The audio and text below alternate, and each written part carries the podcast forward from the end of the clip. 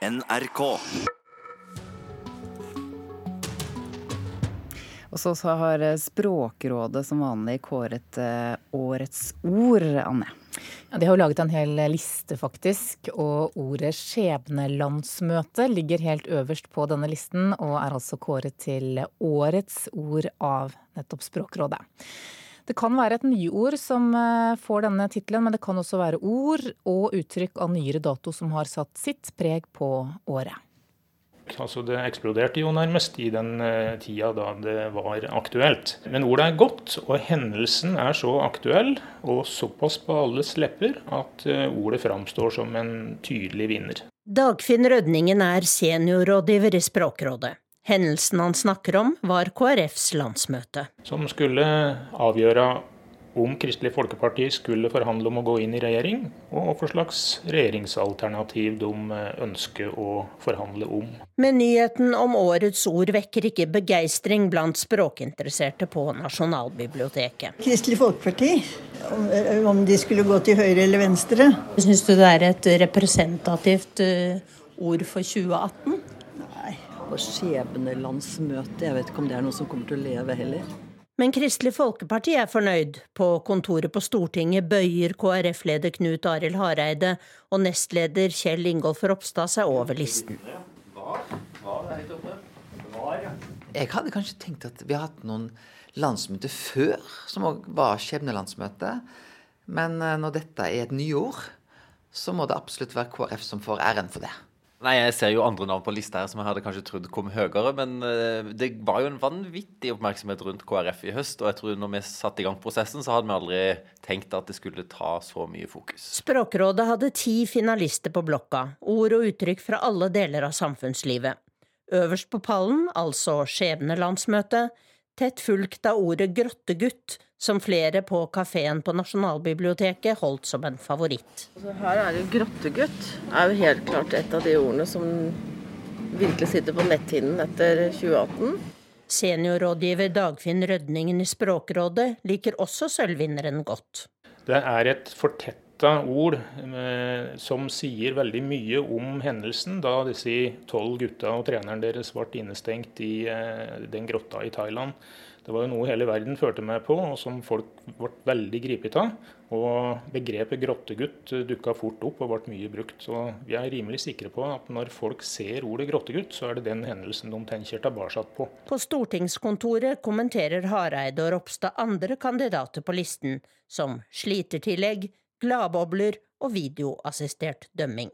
Har dere, hvis dere ser på listen, en, en, annen favoritt? Ja, nei, Jeg har ikke tenkt å be om videoassistert eh, dømming av KrF-prosessen i høst. Eh, vi må ta det live sånn som det skjedde. Eh, men jeg må jo også si det at eh, Grottegutt det var jo noe som gjorde veldig inntrykk på oss. En KrF-gladbobler, er det en kandidat som fortjente å komme lenger opp enn plass ti? Ja, gladboble, den Det var kanskje den bobla jeg var i når jeg trodde jeg skulle vinne i høst. Mm, reporter her, det var Tone Staude. Karina Nilstun, leksikograf og redaktør for Det Norske Akademis ordbok, god morgen. God morgen. Det var ulike meninger her, hører vi. Hva syns du om denne listen som Språkrådet har utarbeidet? Ja, altså jeg har jo på meg noen sånne ordboksbriller stort sett når jeg, når jeg ser på ord. Eh, så det er ikke alle ord her som er Eh, ordboksrelevante, for de er veldig knytta til en helt bestemt hendelse. De hører til i nyhetsåret, men ikke eh, i ordboken. Eh, sånn som f.eks. skjebnelandsmøte og Grottegutt, som de også nevnte i innslaget, at de er veldig knytta til en best, helt bestemt hendelse. Men akkurat, men akkurat, det med skjebnelandsmøte, det er vel noe som kan, kan komme til å gjenta seg? Ja, det er sant. Eh, og vi har jo flere andre sammensetninger med skjebne som førsteledd. Så sånn sett er det jo en, det jo en gjennomsiktig sammensetning, altså noe som er skjebnetungt, og det er et landsmøte. Så det er ikke Vi kaller det nok en gjennomsiktig sammensetning. Um, og jeg tror nok ikke den får plass, altså. Fordi den, er, den har ikke noe, noe mer allment uh, over seg. Hva med de andre ordene på listen? Altså, jeg sjekket hvilke, Det er ti ord på denne listen. Tre av de er allerede i den ordboken du er redaktør for, nemlig plogging, sosionomisere og påvirker. Hva skal til for at dere tar opp nye ord? Mm. Nei, de må ha en viss frekvens. altså De må være brukt uh, uh, i en viss bredde, da. Ikke bare av én journalist, f.eks. De må ha, ha, en viss uh, utbredelse. og så må det si noe litt mer allment. Um, for eksempel da påvirker, da, som har erstattet uh, influenser. Uh, selv om influenser også brukes fortsatt. De lever liksom parallelt, men med samme betydning. Um, så det har kommet inn, og det, det, er jo navn på et fenomen eh, og noe som er, er veldig i tiden. Og som har, har, en større bredde enn Det er ikke bare én påvirker, det er på en måte en, en tegn i tiden. da. Men Ville listen sett annerledes ut da, eh, dersom eh, ikke, disse ordene ikke var tatt fra norske aviser og tidsskrifter, men fra talespråket? Er det så mange som snakker om påvirkere, f.eks.? Det er jeg litt usikker på, for vi er jo en, altså en ordbok som bygger på skriftspråket. Um, og vi bruker ikke talemålskorpus i vårt arbeid, så det har jeg veldig lite kunnskap om, egentlig. Um, men det er klart at, det, at, når man henter eh, ord fra nyhetene, så vil det jo bli mange av den typen gjennomsiktige sammensetninger. Så at, eh, så, at, Hvis man tenker på mer som et ordperspektiv, um, så kunne man f.eks. hatt med ord som um, helsesykepleier, som har blitt innført som, et, som et nytt, en ny term på kjønnsnøytralt for helsesøster. Men ikke like mye brukt foreløpig, kanskje? Foreløpig, ikke sant. Men, men, men Eh, nei, absolutt ikke. Så at nyhetene, når du, når du, velger fra avisen, så får du et veldig nyhetspreget eh, ordvalg, da. For det er nyhetene som er, er mye av eh, stoffet på Retriever og de kildene. Men Hva sier ordene på, på denne listen om tiden vi lever i? Går det an å si noe om det? Ja, litt tilbake til den forrige mm, gjesten her, så var det jo den her miljøtrenden, på en måte. Så har vi jo både fattigdomslykke, som går litt på det her, og også matredder. Um, og så er det jo um, mer samfunnsrelaterte ord, som slitertillegg og sosionomisere, som går mer på samfunnet eh, og hvordan det fungerer og utvikler seg.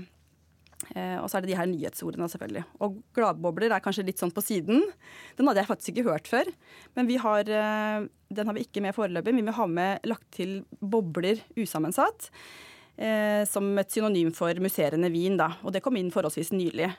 Og selve dannelsen gladboble minner jo litt om eldre dannelser som skravlevann og jodlevann. At det er på en måte liksom spøkefull, spøkefullt ord, da. Lenge siden har du hørt. Ja, de er, litt, de er, litt, eldre. Så gladbobler er en, en nyere variant, og det er liksom førsteleddet som da angir effekten, da. Ikke sant. Mm. Det er jo artig med slike kåringer. Det er jo ikke bare Språkrådet som har eh, denne type lister. Vi vet eh, bl.a. her i NRK har vi en sånn liste. Er de viktige på noen måte? Ja, det er jo en, kanskje en bevisstgjøring og også et litt sånn tilbakeskuende. Hva er det vi har uh, brukt året på? Um, og hvis vi tenker på de uh, temaene du sa i stad, så er jo miljø har satt et visst avtrykk i den listen, og samfunn. Men f.eks. så er, har ikke kjønn satt så mye spor i årets liste, da. Uh, mens man kunne tenkt seg det både gjennom helsesykepleier, som er et sånt kjønns, kjønnsrelatert ord, og også pronomenet 'hen', f.eks., som ikke har kommet med på listen, men som kanskje kommer med i fortsettelsen, da. For det er et, eh, som vi har observert, at det er et ord som er eh, mer og mer brukt. da. Det er som du skulle lage en, en slik eh, liste. Hva ville kommet på topp av den? Ha, jeg ville kanskje tatt med havplast, i hvert fall. Fordi det har vært mye brukt nå i flere år, men ikke kommet på listene. Men jeg tenker det har, sier så veldig mye om tiden vi lever i, og den havplasten har også gjort gjort en veldig sånn bevissthet som er fremoverretta. Den har en veldig sånn eh, substans i seg og veldig, forteller veldig om tiden vi lever i. Så den eh, ville jeg i hvert fall hatt med. Og så syns jeg det hadde vært gøy å ha med noe, noe kebabnorsk. Vi har jo eh, snakka veldig mye i år om tante Ulrikkes vei.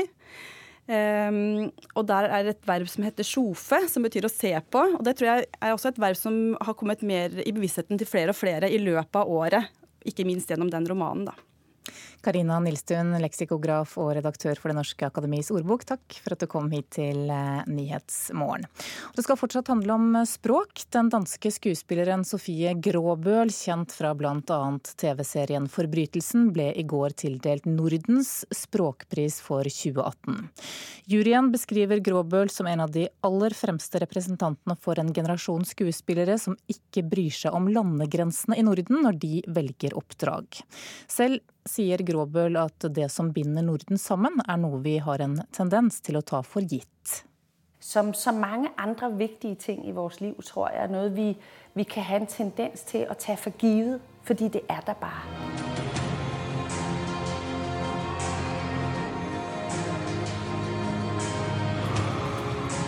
Den danske TV-serien 'Forbrytelsen' fikk mange til å klistre seg til skjermen for å følge Sofie Gråbøls strikkegenserkledde rollefigur Sara Lund på jakt etter svar i uløste krimgåter. Serien var kanskje den viktigste til å gjøre sjangeren nordic noir kjent verden over. I går kveld ble hun hedra med Nordens språkpris for sin evne til å bringe det danske språket over landegrensene, både innafor og utafor Norden.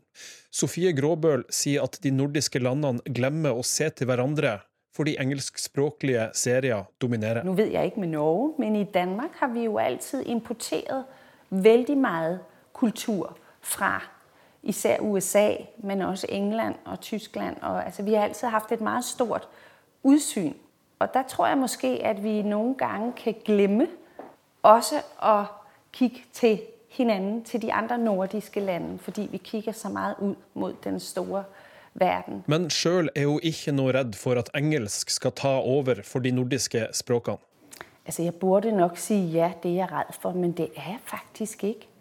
Fordi jeg, jeg, jeg, opplever, det er måske også noe med å bli eldre, altså at, at, jeg opplever de nordiske rødder som utrolig sterke. Øhm, og jeg syns vi har en, øhm, en meget sterk identitet i virkeligheten, og et meget stærkt udtryk, som jo også avspeiler seg i de film vi laver, og de TV-serier vi laver. Og jeg tror netop, fordi de er så øh, lokalt funderet, jeg tror faktisk det er en av grunnene til at de kan reise ut i verden og ha relevans for, for andre mennesker.